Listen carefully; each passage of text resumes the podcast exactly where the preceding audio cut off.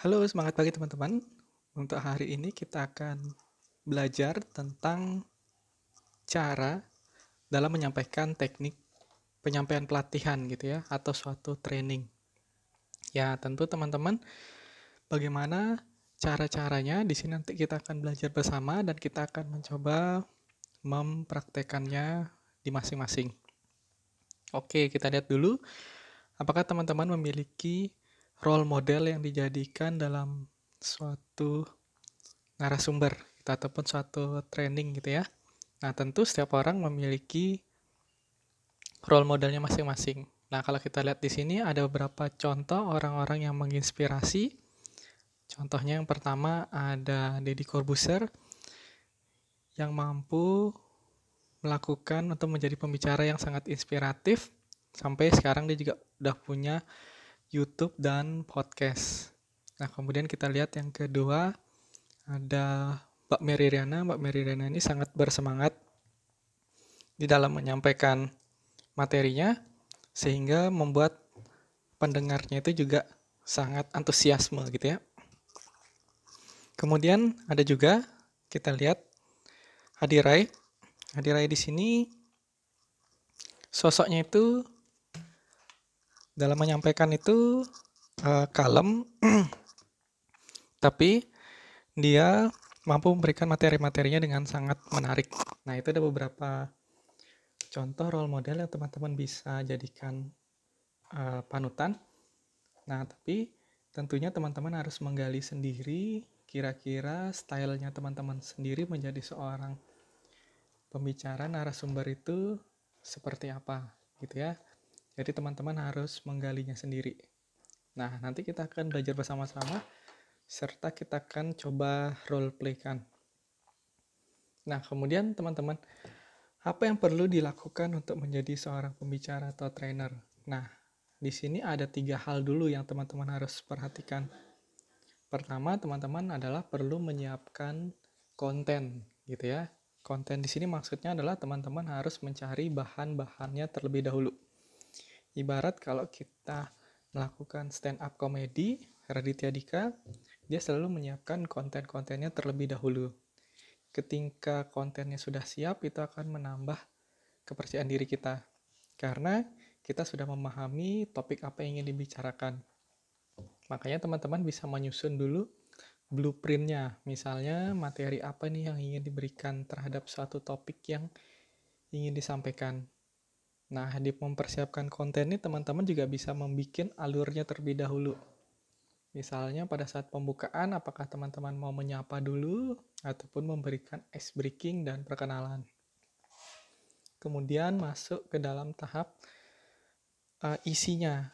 Topik apa yang ingin teman-teman sampaikan terkait suatu hal, misalnya suatu topik tertentu, misalnya berkaitan dengan komunikasi skill, atau berkaitan dengan teamwork itu terserah. Dan yang terakhir penutup. Bagaimana penutupnya itu sendiri? Teman-teman mengakhirinya dengan cara seperti apa? Apakah diberikan kesimpulan ataupun dengan memberikan pemaknaan? Ya, itu yang perlu disiapkan yang pertama adalah mempersiapkan kontennya itu sangat penting. Yang kedua, teman-teman harus sering latihan atau praktis gitu ya. Nah, di sini latihan adalah kita sering mendengar pepatah practice make it better gitu ya. Semakin sering latihan, latihan dan latihan akan membuat kita semakin baik. Ketika kita misalnya gugup, cemas ketika tampil di depan tuh sesuatu yang wajar ya teman-teman karena itu ketika kita tidak biasa melakukannya, kita pasti ada perasaan gugup, cemas. Itu teman-teman sadari bahwa sesuatu hal yang normal Nah, cara mengantisipasinya adalah ketika teman-teman semakin sering berlatih dan semakin sering mencoba setiap harinya, tentu akan menjadi semakin baik lagi. Nah, yang ketiga yang perlu diperhatikan adalah berkaitan dengan grooming atau penampilannya. Jadi, teman-teman di dalam menyampaikan materinya nih, teman-teman harus menyiapkan juga style yang sesuai dengan yang membuat teman-teman nyaman gitu ya. Nah, kalau kita lihat tadi misalnya Setiap narasumber ini memiliki stylenya mereka masing-masing ya, yang diturunkan ke pakaian yang mereka gunakan. Nah, teman-teman silahkan menggunakan ketika tampil nanti, menggunakan pakaian serapi mungkin dan membuat teman-teman merasa nyaman dan merasa oke. Okay. Nah, kemudian teman-teman, apa yang perlu diperhatikan lagi ketika kita melakukan suatu public speaking atau ketika kita menjadi seorang trainer adalah teman-teman perlu memperhatikan yang namanya dua hal, bahasa verbal dan bahasa non-verbal. Ini yang paling sering ditekankan. Nah, penggunaan verbalnya di sini adalah yang pertama adalah bahasa ya, teman-teman. Teman-teman harus menyesuaikan bahasanya disesuaikan dengan audiensnya. Misalnya audiensnya anak-anak, gunakan istilah-istilah ataupun materi-materi yang mudah dipahami gitu ya. Nah, ketika teman-teman misalnya memberikan materi ke anak-anak, coba kasih contoh-contoh video-video yang mudah untuk dipahami oleh anak-anak tersebut. Nah, kemudian yang kedua berkaitan dengan intonasi gitu ya. Jadi intonasi ini uh, berkaitan dengan kemampuan verbal kita juga. Intonasinya, nadanya seperti apa, kejelasannya gitu ya, intonasinya. Kemudian volumenya. Volume suaranya teman-teman apakah terlalu keras atau terlalu kecil? Idealnya kalau kita di menggunakan alat bantu ada mic kita bisa ngomongnya tidak terlalu keras sehingga tidak terlalu mengganggu. Jadi teman-teman menyesuaikan volumenya yang enak untuk didengar. Kemudian yang selanjutnya yang perlu dipahami adanya jeda gitu ya teman-teman ya jeda di sini maksudnya teman-teman mengatur uh, bagaimana jeda-jeda maksudnya ketika berbicara kapan memberikan berhenti dulu dan dilanjutkan kembali. Misalnya memberikan kesempatan peserta untuk memahami dulu yang teman-teman ingin sampaikan. Oke. Nah, tadi kita sudah membahas yang verbal, kemudian yang kedua adalah bahasa nonverbalnya. Nah, ini juga sering kita lakukan tapi kadang-kadang tidak kita sadari, teman-teman. Nah, yang perlu diperhatikan adalah bahasa tubuh, gerak isyarat tubuh kita seperti apa. Nah, kadang-kadang kita melakukan gerakan-gerakan yang tidak kita sadari, contohnya misalnya eh, menggaruk-garuk kepala atau memegang-megang tangan yang menunjukkan kecemasan. Nah, ini kita caranya bisa melihat di kaca, kita latihan ngomong, gerakan-gerakan mana yang perlu kita kurangi ketika tampil. Yang kedua adalah gestur atau gerakan tubuh. Nah, di sini misalnya gerakan tubuh kita kapan mau maju, kapan kapan mundur itu bisa kita atur sedemikian rupa untuk membuat narasumber kita apa audiens kita merasa nyaman. Kemudian sentuhan, contohnya adalah misalnya kalau teman-teman misalnya di sini uh, pesertanya dekat bisa disentuh misalnya ditepuk pundaknya ketika bertanya silahkan jawab itu bisa seperti itu. Nah, kemudian ruang dan jarak. Di sini yang perlu teman-teman perhatikan adalah jarak antara space teman-teman berbicara dengan audiens. Teman-teman bisa sesekali mendekati peserta, kemudian kembali lagi ke panggung, terus kembali lagi ke pesertanya.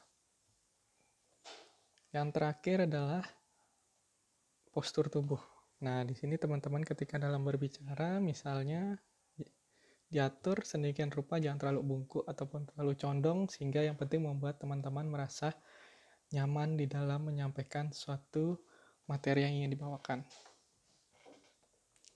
Oke, nah kalau kita lihat kira-kira bagaimana tahapan-tahapan yang bisa kita gunakan untuk membantu kita di dalam memberikan suatu materi, teman-teman. Ya, caranya seperti tadi sudah sempat jelaskan di awal, yang paling penting adalah pembukaan dulu, teman-teman. Pembukaan ini teman-teman bisa awali dulu dengan adanya doa, kemudian menggunakan salam, misalnya mengucapkan semangat pagi atau selamat pagi. Kemudian teman-teman juga harus memperkenalkan dirinya. Misalnya nama saya Dika dari Universitas Dianapura, kemudian tujuannya ngapain harus diberitahu sebelumnya. Teman-teman juga boleh memberikan ice breaking di awal sehingga membuat suasana yang akrab ataupun suasana yang asik gitu ya supaya peserta itu siap menerima materi. Nah, itu yang paling penting di pembukaan. Yang kedua, kita masuk ke isi materi konten, games, video, dan lain sebagainya. Nah, kalau kita lihat beberapa minggu lalu kan materi kita tentang experiential learning, teman-teman bisa masukkan ke isi materi ini. Nah, ada rumus mudah yang teman-teman bisa gunakan di dalam memberikan suatu instruksi ya, ketika memberikan suatu permainan atau games. Rumusnya itu namanya TCA, tugas, cara, dan aturan. Contohnya ini teman-teman misalnya ingin menyampaikan suatu instruksi, suatu permainan untuk membuat mentransfer kata gitu ya dari depan sampai belakang. Kan itu biasanya kita akan buat satu barisan ke belakang akan mentransfer dari kata paling depan ke paling belakang. Itu teman-teman bisa menggunakan rumusnya namanya tugas cara aturan. Contohnya seperti ini. Tugasnya adalah apa yang harus dilakukan, cara ini bagaimana untuk melakukannya, aturan ini adalah hal yang boleh dan yang tidak. Contohnya, TCA-nya, tugasnya silahkan melakukan transfer kata dari depan sampai belakang, Caranya adalah dengan membisikkan ke teman yang di belakangnya saja. Aturannya, dalam membisikkan tidak boleh ketahuan oleh orang lain selain orang yang berada di belakangnya. Teman-teman dapat mengakhirinya dengan kata-kata dapat dipahami apakah ada pertanyaan. Nah, di bagian yang kedua ini ya, teman-teman memang harus banyak berkaitan dengan isi materi, konten-kontennya seperti apa yang ingin disampaikan. Nah, itu berkaitan dengan blueprint yang sudah teman-teman susun kemarin. Kemudian di tahapan ketiga ada namanya penutup. Di sini teman-teman bisa mengakhirinya dengan mengucapkan terima kasih ataupun memberikan kesimpulan ataupun evaluasi. Kesimpulan ini bisa teman-teman tanyakan dari peserta atau teman-teman menyimpulkannya sendiri dari materi yang sudah disampaikan. Ya, sebenarnya konsepnya tiga itu tadi teman-teman. Yang paling sering adalah teman-teman menyiapkan kontennya dan sering berlatih. Oke, kemudian kita akan lihat setting-setting tempatnya ketika kita melakukan suatu program pelatihan. Ada banyak space atau banyak tempat ya teman-teman ya. Jadi kita bisa melakukan beberapa uh, setting tempat kalau kita memberikan program pelatihan. Yang pertama ada namanya U-shape nih, misalnya letter U gitu ya. Jadi teman-teman pembicara yang berada di tengah, kita akan membentuk tempat duduknya seperti letter U. Itu bisa teman-teman lakukan. Ini biasanya untuk peserta sekitar 20 sampai 30 gitu ya, bisa menggunakan letter U. Kemudian ada juga setting tempat yang kita front maksudnya narasumber atau pembicara berada di paling depan, kemudian pesertanya duduk di depan seperti kalau kita di ruang teater gitu ya. Jadi pembicara berada di atas panggung dan pesertanya berada di, berada di tempat duduknya masing-masing. Nah, ini biasanya kapasitasnya digunakan untuk yang lebih dari 50 ataupun 100 orang.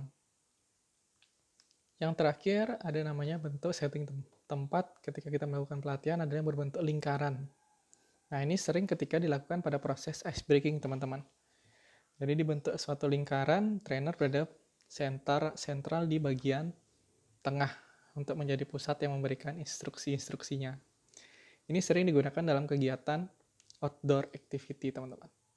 Nah, ini beberapa setting-setting tempat yang bisa teman-teman sesuaikan ketika ingin nanti melakukan pelatihan, baik itu di dalam maupun di luar ruangan. Oke, teman-teman, seperti yang saya jelaskan di awal,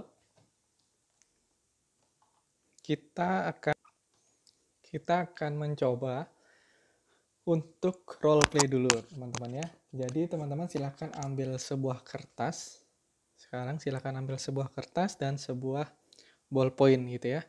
Nah di sini kita akan mencoba mengenali diri kita, kita tuh orangnya seperti apa. Nah di sini kita dapat lihat teman-teman bisa lihat juga namanya Johari Window. Di situ ada satu kotak yang berisi kotak-kotak kecil di dalamnya. Nah, di sini kita akan mencoba mengenali diri kita masing-masing, teman-teman. Nah, silahkan teman-teman buat empat kotak dulu.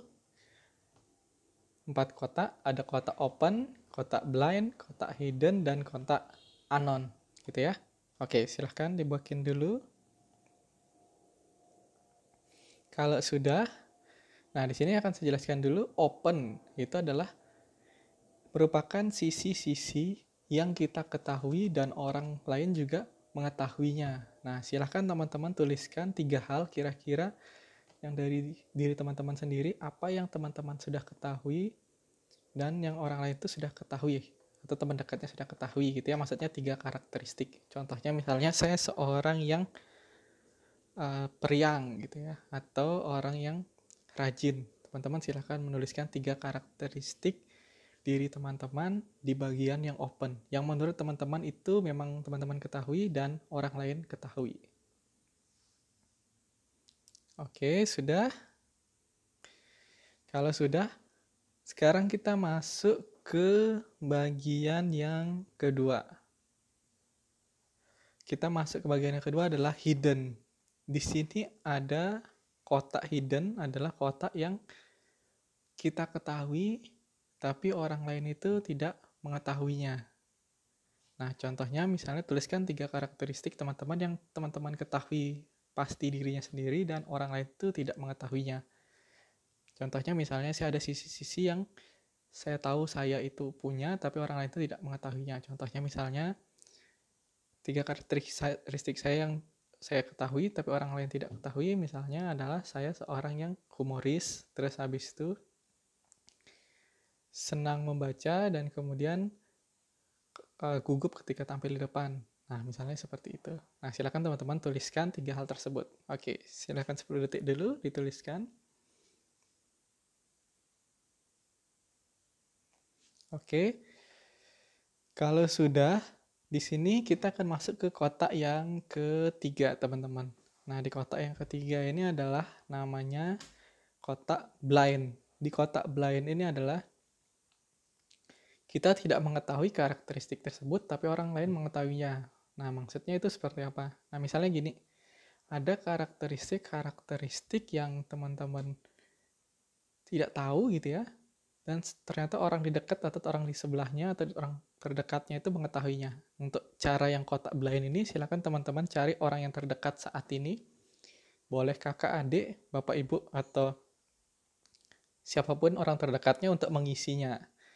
Jadi silahkan suruh orang terdekat itu mengisi tiga hal yang kira-kira orang itu mandang karakteristik saya seperti apa. Nah contohnya misalnya yang mengisi ini saya misalnya orang terdekatnya saya adalah Pak Rai misalnya ya.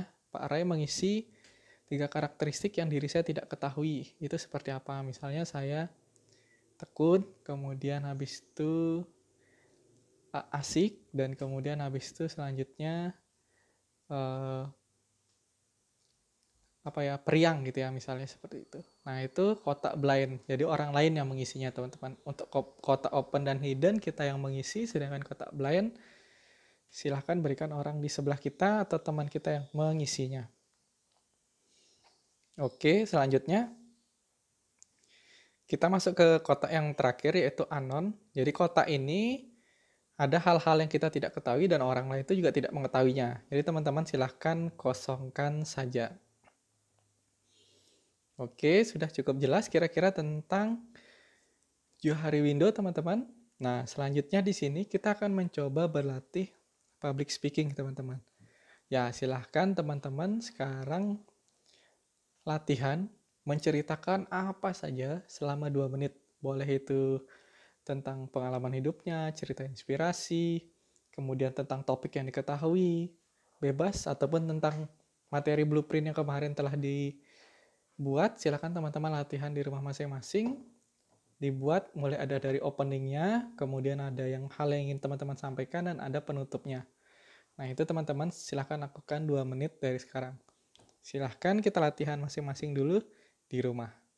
Oke, terima kasih teman-teman. Selanjutnya kita akan lanjut ke sesi tanya jawab. Terima kasih.